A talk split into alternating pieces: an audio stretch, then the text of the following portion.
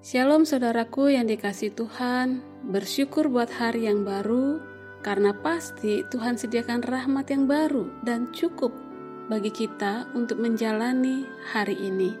Yakinlah. Firman Tuhan hari ini Mazmur 10 ayat 1. Mengapa engkau berdiri jauh-jauh ya Tuhan dan menyembunyikan dirimu dalam waktu-waktu kesesakan?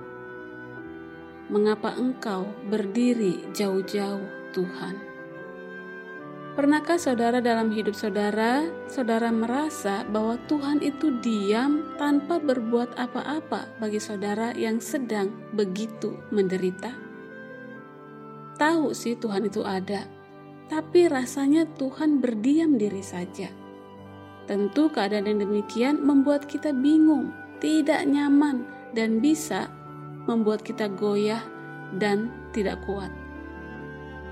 Daud dengan jujur mengatakannya bahwa dia pernah merasa demikian, seperti yang ia katakan di ayat 1 tadi. Mengapa engkau berdiri jauh-jauh ya Tuhan dan menyembunyikan dirimu dalam waktu-waktu kesesakan? Dalam pengetahuan dan pemahaman Daud selama ini, Tuhan itu maha hadir dia selalu ada di mana-mana, tidak pernah absen dari semesta ciptaannya ini.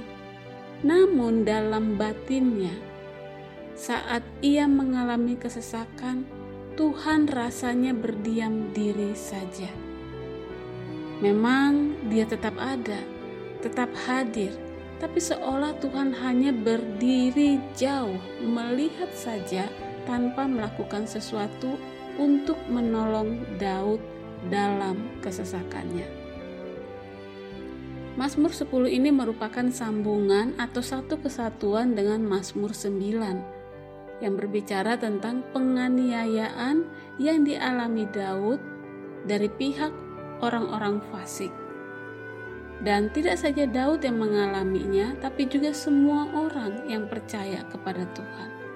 Mazmur 10 ini lebih menitik beratkan bagaimana orang-orang fasik melakukan berbagai kejahatan dan menindas orang percaya, tapi mereka begitu terang-terangan menindas bahkan dengan sombongnya menista Tuhan. Ayat 3 dikatakan, karena orang fasik memuji-muji keinginan hatinya, dan orang loba mengutuki dan menista Tuhan.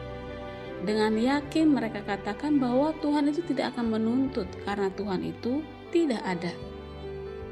Perbuatan orang fasik yang penuh kekerasan berasal dari kebencian mereka terhadap Allah dan hukum-hukumnya. Mereka merasa tidak perlu takut akan penghakiman yang akan datang, karena pikir mereka Allah melupakannya. Saudara, kejahatan orang fasik yang begitu kejam adalah sebagai bukti bahwa manusia bahkan semua manusia sungguh sudah jatuh dalam dosa. Masalahnya terkadang Allah seolah diam dan tidak berbuat apa-apa.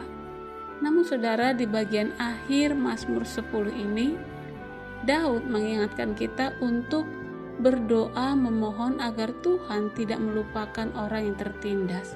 Dan memang Tuhan tidak pernah melupakan orang yang tertindas yang berseru kepadanya. Untuk itu, kita pun mempercayai Allah karena pada waktunya akan mendengar dan membela umatnya.